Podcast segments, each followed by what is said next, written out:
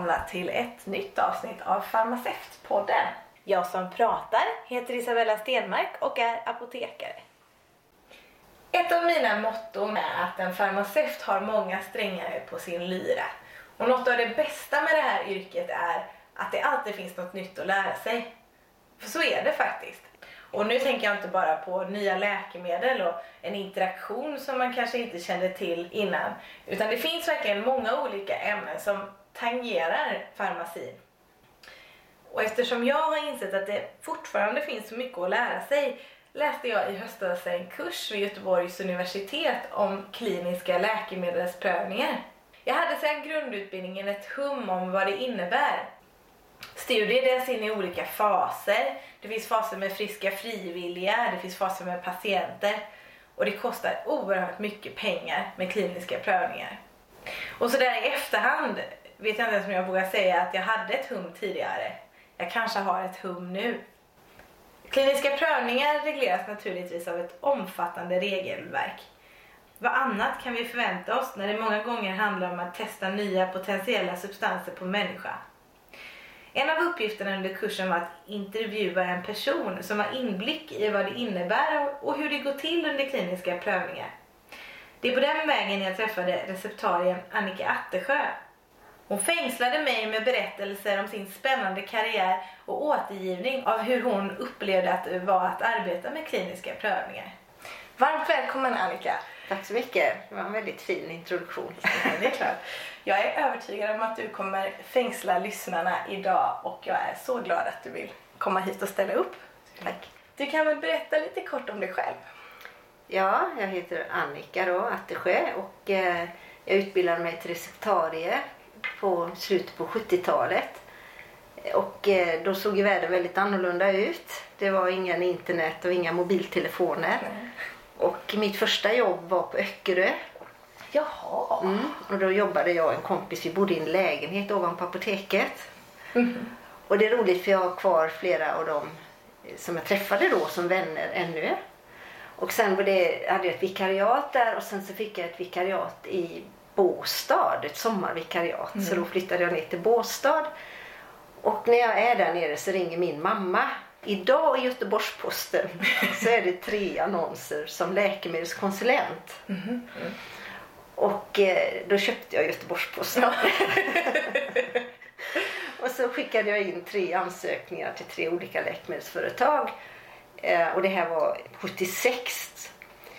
Och jag kom på intervju till alla tre företagen och fick jobb på det ena av de här företagen då. Mm. Och där började jag som läkemedelskonsulent som var en väldigt vanlig ingång i läkemedelsindustrin. Och eh, läkemedelsindustrin hade då ett självpåtaget ansvar att utbilda de som jobbade mot läkare. Så att man gick en kurs, en medicinsk grundutbildningskurs. Och då fanns det både RUFI som var Riksföreningen för utländsk farmaceutisk industri, för det fanns gott om utländska företag. Mm. Och så var det LIF, Läkemedelsindustriföreningen, som ja, hade olika utbildningar. Och då hamnade jag på RUFI, så jag var i Stockholm i ett knappt halvår och läste den här medicinska grundutbildningen. Som var väldigt, väldigt rolig. Och som fick mig att och egentligen ville jag fortsätta läsa medicin för jag tyckte att det var väldigt intressant. Men eh, att jobba i läkemedelsindustrin då som på ett marknadsbolag som det är då du marknadsför produkterna det är ju att du måste lära dig de produkter du ska jobba med mm. och de produktområden. Så det blir ju väldigt mycket fokus på det. Att, att sätta sig in i olika sjukdomsområden. Vilket jag tyckte var väldigt roligt. Ja, det är klart. Och på den tiden, det är länge sedan, mm. så var det inga restriktioner. Så många av mina kollegor brukar säga att vi var med om den roliga tiden. Det var, alltså, vi hade en väldig frihet. Det var hög etik i läkemedelsindustrin. I alla fall bland de som hade originalläkemedel som forskade fram sina egna läkemedel. Det var inte så mycket generika och parallellimport fanns inte. Utan det var ju fortsatt på 70-talet så kom det väldigt mycket nya originalläkemedel. Till skillnad från idag då det kommer väldigt få och inom ganska begränsade områden. Så det var en väldigt eh, rolig tid. När jag tänker på läkemedelskonsulent då ser jag ju de amerikanska filmerna framför mig med ja, välklädda unga tjejer som kommer där. Var det så? Stämmer den bilden? Jag har en rolig episod från ett sjukhus. som vi hade, vi pratade om chock, vi pratade om septisk chock. Mm. Och då hade vi en rosa bok. Och så när jag kommer till den här intensivvårdskliniken så har jag en rosa tröja på mig och rosa kjol. och det var inte medvetet. Men eh, vi hade väldigt bra relation så det fick jag leva med sen. jag kom med den rosa boken och var klädd i rosa. Så det, det är klart att vi representerade ju ett företag. Mm. Men det var inte, dresscoden var väl som den var. Det företag som jag representerade hade egna väskor som var i pressat kalvskinn. Mm. Därför att läkaren som hade startat företaget han hade en läkarväska i krokodilskinn. Mm. Så vi hade en uppsättning av portföljer i, i krokodilskinnspräglat kalvskinn. Mm. Det var lite roligt. Ja. Mm. Har du kvar dem? Ja. Vi använder dem inte. Man använder inte den typen av väskor längre. Eller jag gör inte det.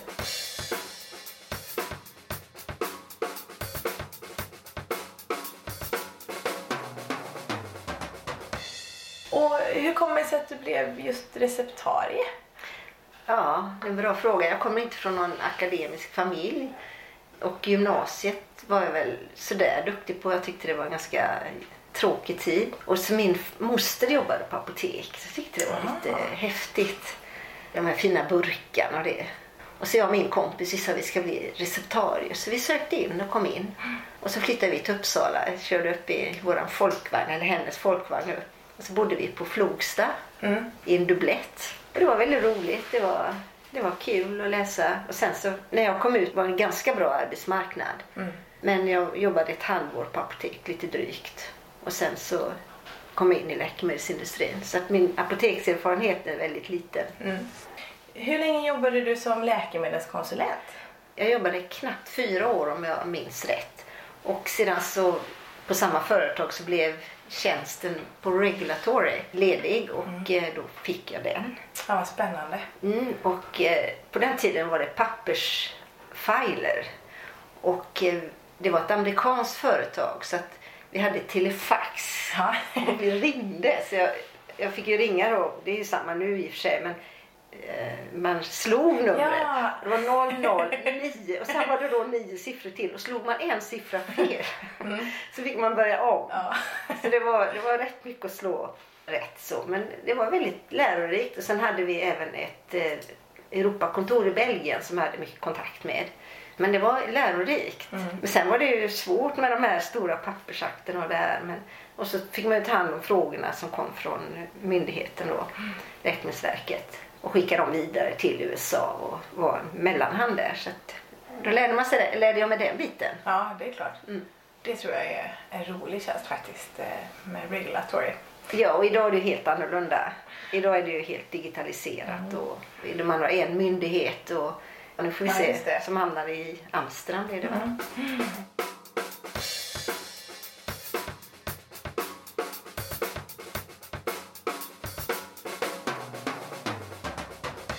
Kommer det sig att du började jobba med kliniska prövningar? Ja, under 80 och 90-talet så var det väldigt många sammanslagningar. Mm. Och det kan man väl se på läkemedelsnamnen. Ja. Att de, de, de blir så långa så till slut så räcker inte nästan bokstavskombinationerna Eh, och jag var med om under ganska kort tid två stycken sådana mergers som mm. det heter. Och båda gångerna så blev mina tjänster flyttade till Stockholm. Mm. Och jag har inte haft något intresse av att flytta till Stockholm själv. Och eh, sista gången när det blev flyttat till Stockholm då så pendlade jag. har pendlat båda gångerna men så pendlade jag. Men så blev det en tjänst ledig inom kliniska prövningar på onkologi. Mm. Och onkologi ett jättespännande område. Så att eh, 2000 började jag med det. Så att eh, precis millenniumskiftet mm. så bytte jag från marknad till klinisk prövning. Det var väldigt kul, det var helt annorlunda, helt nytt och spännande. Ja, det kan jag tänka mig. När vi läste den här kursen, jag vet att under grundutbildningen så läste vi lite om kliniska prövningar men eh, jag fick en helt annan bild av vad det är. Liksom. Ja, det, det är omfattande. Mycket omfattande är det. Och det är väldigt reglerat. Och det är bra det. För det var ju neurosedynkatastrofen som gjorde att man förstod att eh, man måste undersöka läkemedlen betydligt bättre. Man får inte se den studie man håller på med som sitt barn därför att den kan mycket väl sluta i att, att läkemedlet läggs ner. Och det vill man ju komma underfund med så tidigt som möjligt. Och det är olika aspekter som företagen lägger i om man ska gå vidare eller inte. Och idag är det ju väldigt mycket fokus på kostnader. Kanske varit alltid men särskilt idag för att om man kommer som tredje, fjärde läkemedel på en etablerad marknad så är det väldigt svårt att få tillbaka investeringarna. Så det handlar ju mycket om att man investerar pengar och så ska man ju ha tillbaka dem på något sätt. För det är enorma summor som det kostar att ta fram ett nytt läkemedel. Det tror jag inte alla har insikt i heller hur kostsamt det faktiskt är. Nej. Utan man ser bara att det kostar pengar. Och det är väl klart att ett läkemedelsföretag som satsar så mycket måste ju få tillbaks.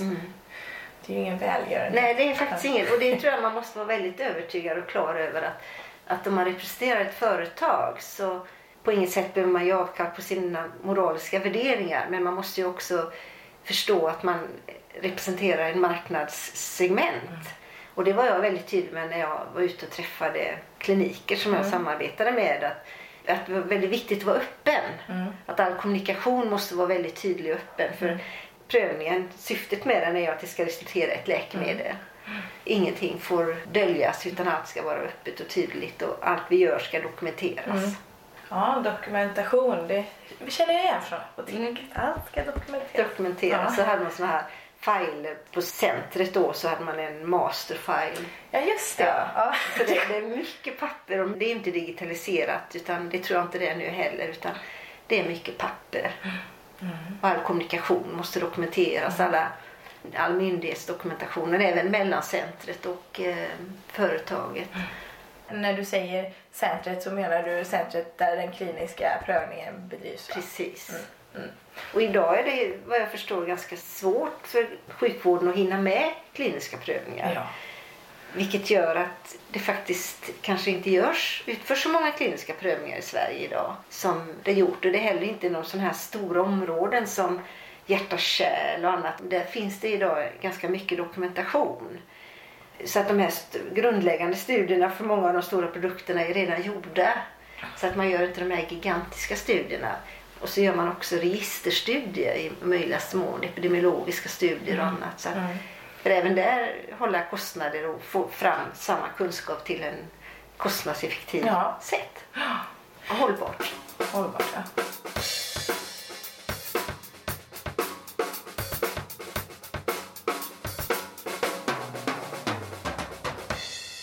Man har gjort undersökningar på eh, vad en, en icke sjuk person skulle kräva för att ta ett läkemedel om man får en sjukdom. Alltså vilken chans till bättring skulle du kräva för att gå med? Och det, de vill ha ganska hög bättring. Vårdpersonalen ligger också någonstans i mitten medan då den som är sjuk, speciellt en cancersjuk, nöjer sig med procent. Så finns det en chans på 100 så tar jag den. För jag har, jag har inget val. Nej. Man greppar väl efter det Ja. som finns liksom. För det förstår man ju. Samtidigt så måste man ju ha det under kontroll och protokoll. Så man vet vad man får för resultat. Ja. För annars kan det ju bli som eh, i Arneby med THX. Ja, Ja, så, att det, ja, så det, är, det är ju en helt annan historia. Men det var ju också de som påstod att de blev botade och bra. Ja, just det. Det tror jag finns med i någon Ja, P3-dokumentär. det gör det. Den är väldigt intressant. Jag Ja. kan rekommendera att lyssna på den. Och där är det en patient bland annat som har njurcancer och blir botad av THX. Och eh, läkaren då som intervjuas i programmet, han blir så nyfiken på hur det hade gått för patienten. Ja. För patienten sa så här att ja, jag är så nöjd med mitt liv och jag, det var det 30 år sedan som det här THX var. Om jag klarar mig nu så är jag glad för det liv jag haft. Och han hade fått THX då. Så den här läkaren blev nyfiken nu inför det här programmet om patienten levde. Ja. Och det gjorde patienten. Och då visade det sig, och han hade frågat patienten om man fick gå och kolla i hans journaler. Och det fick han. Och patienten hade ju inte haft cancer. Så det var ju fel diagnos. Och då kan man ju bli botad. Och det, det, det är ju detta som är dilemmat när, när man läser i media om någonting. Att du vet inte om det är rätt diagnos. Alltså hur är diagnosen ställd? Och därför i en klinisk prövning så har man ju väldigt hårda inklusionskriterier och exklusionskriterier för att försöka få en enhetlig patientkategori för att kunna utvärdera resultat. Och det är ju ett dilemma för den som då är svårt sjuk i en svår cancer vill ju kanske få det här, tillgång till det här läkemedlet. Men innan det är testat och godkänt så har vi ju väldiga restriktioner. Om det inte tycks som om att man ändå inte har någonting att erbjuda de här patienterna och att, att erbjuda ett hopp är bättre än att erbjuda Mm. ingenting. Men det är en väldigt etisk debatt och det finns mycket regler runt det här. Jag tror det behövs de här reglerna. Alltså, Absolut. ja. Absolut. THX är ju definitivt ett exempel på att, att det är en karismatisk person. För det var det det slutade upp i. Att, att läka, den här veterinären, han var ju dessutom veterinär. Herregud. Ja, han var väldigt karismatisk och det, det kan ju vara botande i sig. Och man pratar ju både om placebo och noceboeffekter. Alltså nocebo är att du förstärker din sjukdom. Och det är klart placebo fungerar alltid till en viss del. Mm. Men eh, frågan är hur länge och vilken typ av sjukdom. Så det måste man ju dokumentera. Ja, det tror jag inte heller man, man riktigt har inblick i hur hårt krav Nej. som ställs på allt detta. Och vi pratade ju då om, jag berättade om en stor bröstcancerstudie som jag var med i. Där man testade en etablerad terapi och jämförde den mot ett nytt liknande läkemedel. Och så, de verkade på olika sätt och så tog man kombinationen. Då tänkte man ett plus ett, det måste ju åtminstone bli två. Det kanske kan bli tre, kanske fyra. Eh, och det var världens största, eller är, för det har inte gjorts någon större bröstcancerstudie på postklimakteriella kvinnor. Och eh, när man fått ett visst antal patienter i de här tre grupperna, för de var ju en, två, tre, enkel, enkel och så dubbelbehandling då. Så kollar man vad, hur, hur det ser ut. Och då visade det sig att kombinationen hade sämre effekt än att enbart ge det gamla läkemedlet. Så på något sätt, man kunde då inte förklara varför. Nej. Så den armen bröts som man sa. Men vi fick vara väldigt försiktiga. Jag pratade inte med patienterna men investigators, med prövarna. Att man inte säger till patienterna att man bryter armen. det låter lite, lite dramatiskt. Ja. Så att, men vi bröt, den armen bröts då som, Ja. som var dubbelkombination. Så fick de välja om de ville vara kvar och gå in i en av de andra. Eller om de ville gå ur studien. Så en tredjedel av patienterna försvann ur studien. Och, och med armen, ja precis, den, den kombinationsbehandlingsstudien avbröts. Det är det Ja, den armen Ja, bröts. ja, den armen, det var tre armar och armen med kombination bröts. Jag tror det här arm är ett sånt här eh, uttryck som förekommer i kliniska Ja, prövningar. Eh, Precis. så Men det är dramatiskt om man kommer. "Ah, Vi ska bryta din- den armen du. ja, men vad spännande, det måste ju ha varit häftigt att få vara med om en sån studie. Ja, det var väldigt roligt. Och då fick man, det var en jättestor studie eh, för att kunna känna delaktighet att det mitt bidrag var i Sverige, det jag, som Sverige bidrog med. Vi hade många patienter i Sverige. Och det var väldigt kul och det var både fem års behandling sen var det fem års uppföljning. Så det var en lång studie. Det var väldigt, eh, väldigt roligt. Mm.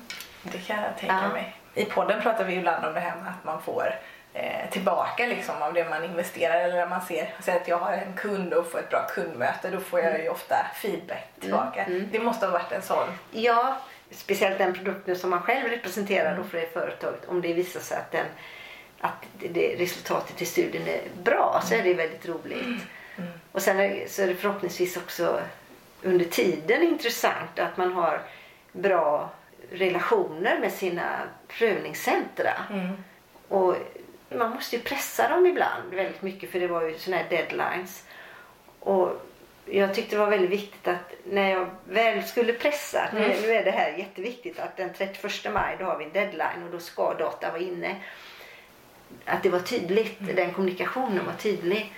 För det var ju så många länder som involverade så det, de datumen är väldigt viktiga för att hela studien ska gå framåt. Så då gällde det att vara oerhört tydlig och liksom säga att nu, gäller detta. Och sen andra saker var inte lika viktigt. Så att man kommunicerar på ett sätt som man förstår att... Eh, och då blev det väldigt bra relation och väldigt eh, roligt att komma ut på centra.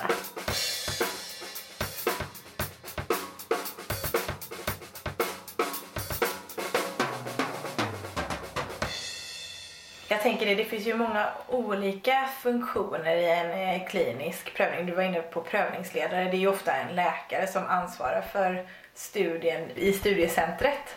Och sen eh, finns det ju en massa andra funktioner också. Vilka funktioner har du haft i de Men jag har ju jobbat både som monitor då. Men det beror, sen kan det ju beroende på hur studien ser ut kan det ha olika mycket ansvar. Det kan ju vara så att du ansvarar för hela studien. Alltså från att skicka in den till myndigheten att skriva alla dokument. Vilket jag har gjort i flera studier då. Från patientinformation till etikprövnings och alla de här ansökningshandlingarna. Och alla dokument som man sen ska ha som informationsdokument.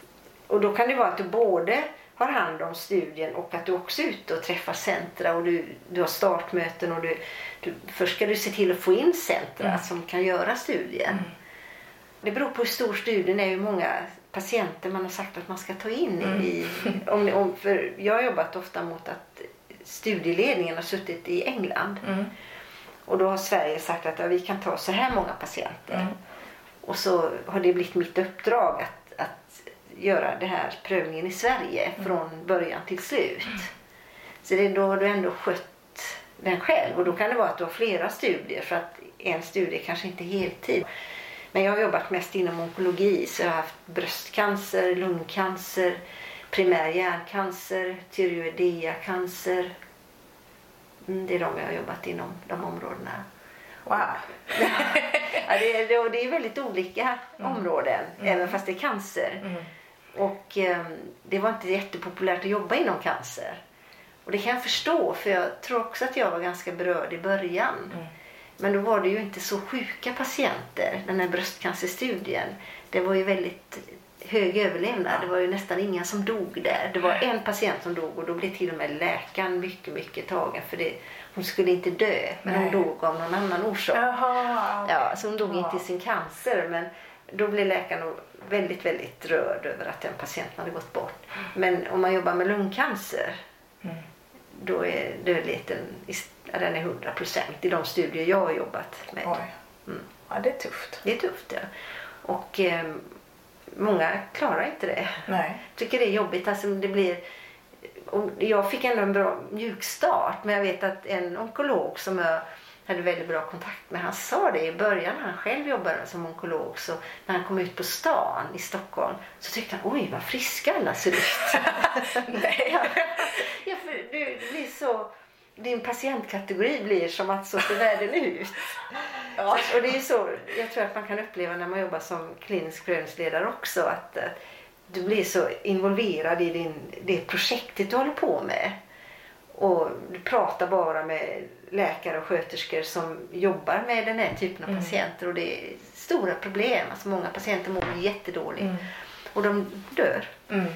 Om man går direkt in i en sån studie så är det ju rätt så tufft för det är svårt att inte ta det personligt. Mm. Precis. Det är ju inte så att jag som person kan påverka för vad jag gör är ju bara att se till att, att studien följer protokollet som studieansvarig. Mm. Och att allting sker enligt de regler som man har. Så jag träffar ju aldrig patienten utan jag ser ju bara resultaten och läser journalerna. Och det är klart att man får ju ändå en relation på något sätt och det är oerhört sorgligt. Men eh, det blir ett förhållningssätt också. att eh, Jag kan ju inte påverka någonting annat än att se vad som har hänt och att data rapporteras in på rätt sätt.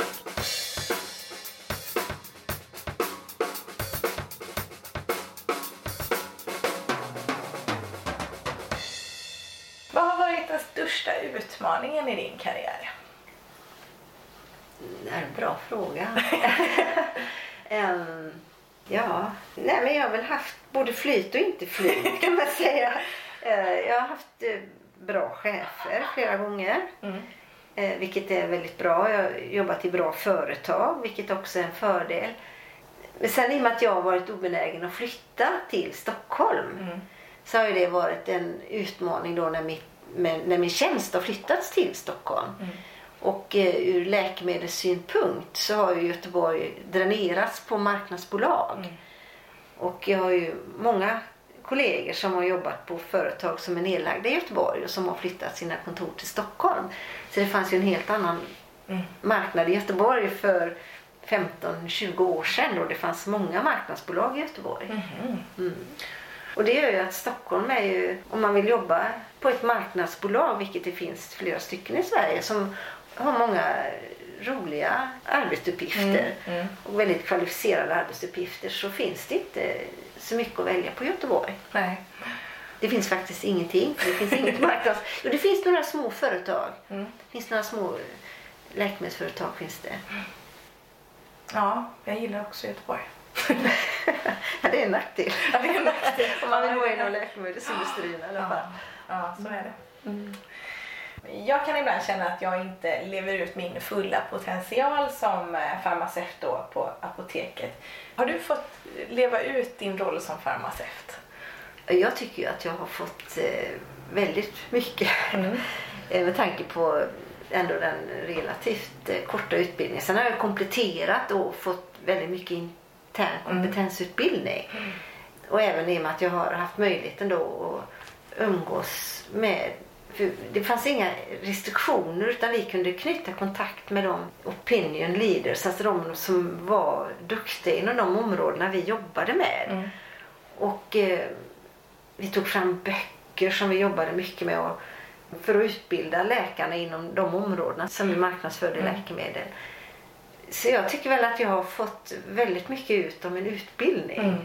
På det sättet. Och jag har fått eh, lov att utvecklas inom olika medicinska områden som har varit jättespännande. Och, och jag kan känna att jag har haft väldigt nytta av det, att förstå hur kroppen fungerar. Mm. Och det kan jag känna nu att jag borde kanske ha lärt lite mer ekonomi. kan användas de som vet hur man ska placera och med pensioner och annat. Ja. liksom. Då tänker jag Ja, det kanske var rätt bra att ha kunskap ändå om hur kroppen fungerar för då behöver man inte tro på allt som, som kommer upp. Mm. Och jag kan liksom ha min egen, som jag tycker då, faktabaserade syn på hur, vad jag ska tro på. Mm. Vad det gäller sjukdomar och, och kan förstå. Jag kan både läsa fast och jag kan läsa medicinska texter. Mm. Och sen så tycker jag det har varit väldigt roligt för jag har alltid jobbat mot USA och England så jag har alltid jobbat på engelska. Mm. Vilket också varit väldigt naturligt roligt och eh, fått lära känna världen på ett annat sätt som man inte får när man jobbar bara i Sverige för då tror man att Sverige är hela världen. och, det är det ju naturligtvis men man förstår också att det finns så många andra sammanhang. Mm. Och det tycker jag var, nu när du ställer frågan så kommer jag på det att det, det har faktiskt varit väldigt roligt. Och jag har varit i USA, man har fått höra hur, liksom förstå hur marknaden är där. Mm. Och de brukar alltid säga att om man inte får ett läkemedel godkänt i USA så då, då är det att lägga ner. Och sen var det Japan då. alltså det, om Japan inte går då är det som att få en förkylning. Alltså det, det är riktigt illa om inte det blir godkänt i Japan mm. för det är också stor läkemedelsmarknad. Mm.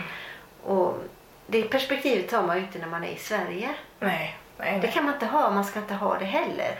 Men om man jobbar inom läkemedelsindustrin så måste man förstå var pengarna kommer ifrån. Mm.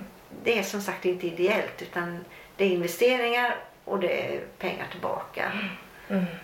Jag blir så glad av att höra när du berättar tycker jag. Det är så, det är så roligt att eh, jag menar, det kan gå den vägen också. Mm.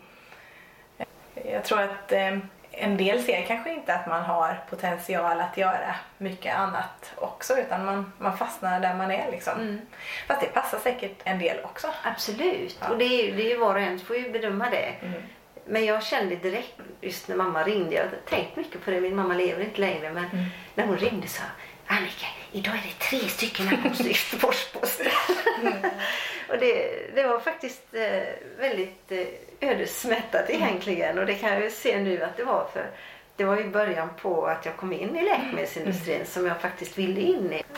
Och fått göra saker som jag aldrig trodde jag skulle få göra. Fått göra jättemånga roliga saker. Utmanande saker.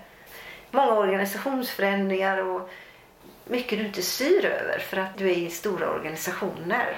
Men samtidigt så har det varit bra företag som har... eh, Ja, det har funnits möjligheter att hitta annat. Så det har, jag har aldrig varit arbetslös. Nej. Nej, så det, då, då, det kan jag säga nu med facit i hand. Och, och det är väl ändå en...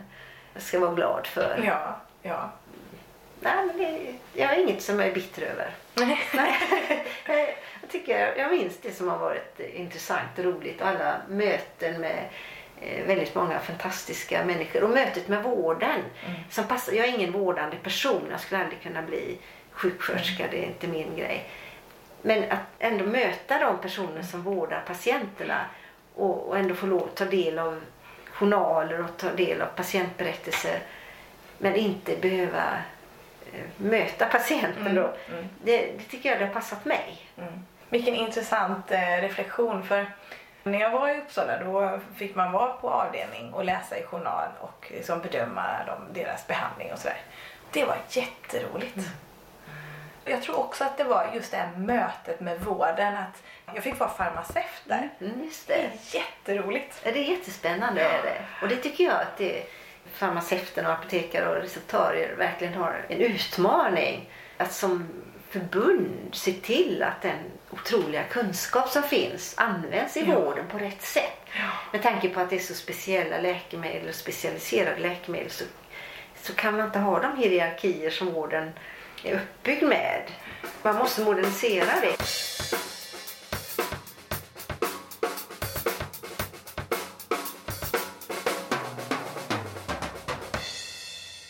Personligen så tycker jag att apotekare är stigmatiserande titel. Ja, okej. U- Utveckla. Ja, det att det, det om, om du läser ekonomi så blir du inte bankman. Nej. Men läser du farmaci Mm. så blir du apotekare. Ah, du tänker så ja. Ja, Mm. och det, du blir inte civilingenjör. Om du är civilingenjör så kan du söka i stort sett vad som helst. Mm. Men om du är apotekare så kan du inte söka en civilingenjörstjänst. Därför nej, men, nej men vi behöver ingen apotekare, vi ska ha en civilingenjör. Aha, det var, intressant. Så har jag inte tänkt på det. Men det är klart att då, då kopplar man ju gärna en apotekare till apoteket. Men just titel är så, den talar om var du ska jobba någonstans. Mm. Ja, man kanske hade behövt eh, modernisera det här. Det är ju samma sak på engelska faktiskt. Och det är ju en gammal tradition. Alltså det, det kommer ju från ett apotek där du själv producerade och tog fram läkemedel och så är det inte idag. Nej.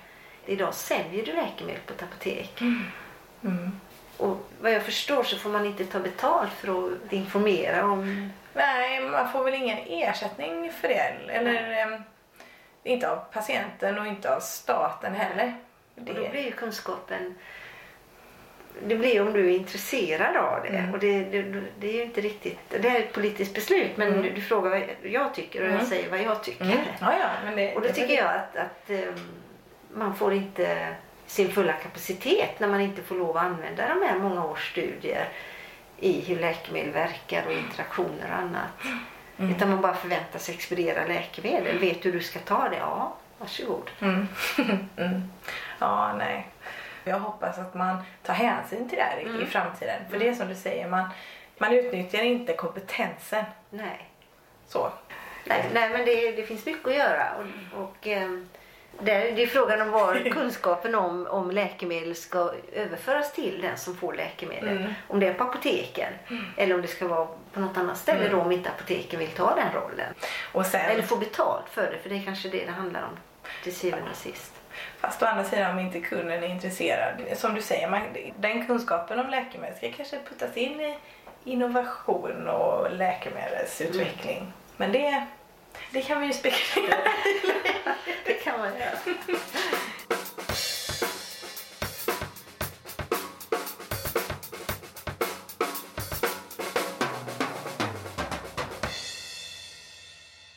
Om man som lyssnare är intresserad kliniska prövningar, vad har du för tips? Det finns ju den här 7,5 poängskursen. Ja, just det. Den måste man ju läsa. Du tänker på den eh, Clinical Trials in Medicine på GU, eller? Det var den som du läste Ja. när vi kom i Ja. kontakt med varandra. Ja, precis. Ja. Är det den du tänker på? Ja. Mm. Ehm, Det finns ju sådana här Clinical Research Organizations, olika CRO, som ofta används av läkemedelsföretag för att kontrollera studier och se till att de sköts. Så lisar man ut dem på olika företag och det finns ju ett antal sådana företag. Det är ju ett sätt att komma in i det här. Och jag kan tyvärr inte svara på hur mycket prövningar det görs i Sverige idag för jag, jag har inte följt med på det. Nej. Eh, Hur stor marknaden är så att säga. Men om man är intresserad av att göra något så- så rekommenderar jag att man tittar på CRO då, Clinical Research Organizations. Att man tar reda på lite grann och kanske behöver man ha den här kursen då Mm. för att förstå. Mm. Ja, jag, jag kan varmt rekommendera den i alla fall. För jag, jag, det tog ganska lång tid för mig att förstå vad alla de här funktionerna i en klinisk prövning har. Som till exempel CRO då. Eh, Idag är det inte så mycket resande vad jag förstår för man, det är väldigt mycket datoriserat så att man kan, men du måste ju ändå när man gör den här kontrollen mot journalen att, det, att data stämmer så måste man ju ändå och nu med GDPR och andra saker så du, du kan ju inte skicka saker hur som helst utan som om jag har varit ute och monitorerat som jag kallar det då så då har jag ju fått ett tillstånd att gå in i journalerna på vissa namngivna patienter. Men då måste jag berätta en hemsk sak som jag var med om. Och eh, jag kunde ju bara komma in på de patienterna på journalsystemen. Och så hade jag något problem med mitt datasystem så jag satt och pratade med support. Och så sitter jag ändå i journalen och ska ta fram och kolla om en patient har gjort en eh, CT, alltså en, en magnet, eh, eh, eller MR var det nog, en en magnet på lungan, det var en lungcancerpatient. För den skulle ha gjort det men patienten var avliden. Och så sitter jag och pratar med min support och så sitter jag med journalen. Det var olika journalsystem så jag kom in då äntligen på den här där den här MR låg. Eller om det var CT, spelar ingen roll. Och så ser jag att patienten är död, vi säger 1 augusti. Och så ser jag att patienten har gjort en CT 7 augusti. Och jag blir helt. Du, Jag kan inte prata mer jag, jag, det är något som är galet här. Jag trodde jag var inne på fel patient. Jag trodde att jag hade gjort någonting när jag satt och var lite okoncentrerad. Att jag kunde komma in på en annan patient. Men det visade sig att jag var inte det. Utan jag var inne på rätt patient. Så patienten hade avlidit i hemmet. Och man visste inte när så man satte en datum. Aha. Och läkarna hade ju inte kollat om patienten hade gjort en CT. Men det hade patienten gjort den sjunde, alltså efter patienten var död. Så de fick skriva om det. De kunde konstatera att eh, patienten hade ju faktiskt levt den sjunde. Det var lite obehagligt Ja, faktiskt. det, det För du får ju absolut inte se på några andra journaler än, än det du har tillåt. Som du gör. Patienten har samtyckt till att jag får lov att titta Mm. på journalanteckningarna. Ja, det var ju lite, ja, det var en obehaglig känsla just där när jag insåg att, att patienten levde efter att den var dödförklarad. Mm. Ja, usch. Mm. Ja, nej. Ehm, jag, jag börjar bli ganska nöjd och så tänker jag fråga dig så här, om du har någonting du skulle vilja tillägga. Jag är väldigt glad att, jag, att du har det här samtalet som vi får kalla det. Ja. Och ehm, jag har bara positiva minnen av min, min karriär i läkemedelsindustrin. Det har ju varit upp och ner naturligtvis men jag är ändå väldigt glad att jag tog det steget. Att eh, jag har haft möjligheten att göra det. tycker jag har fått ut väldigt mycket av det. Jag har fått göra saker som jag faktiskt eh, inte är utbildad för utan har fått eh, ja, fått möjlighet ut och utvecklas av sidor hos mig själv på ett sätt som jag är väldigt glad för. Jag tror att många kommer nog lyssna och tänka att du har haft en riktig drömkarriär. Ja, det, är- alltså, det, ja, det, tack så mycket. ja, det är inspirerande om inte annat. Jag hoppas det att vi inspirerat någon. Det skulle göra mig väldigt glad. För Det är roligt att utmana sig själv. Och få en förståelse för världen. Då skulle jag vilja tacka dig Annika att du har tagit dig hit och ställt upp för mig här och Farmaceutpodden. Det har varit superroligt att lyssna.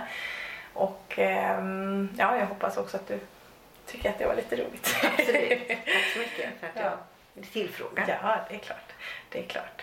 Och tack till er som har lyssnat. Jag hoppas att ni får en fortsatt trevlig eh, dag. Glöm inte att följa Farmaceutpodden på Instagram och Facebook och nu kan ni också lyssna på Spotify. Tills vi hörs igen så får ni ha det så bra. Hej då! Hej då! Så här. Ja, vinkar jag.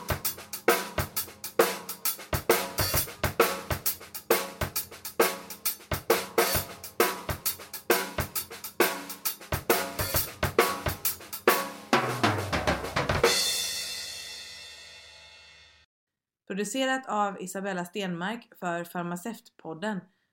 Trummor Fredrik Podgorski.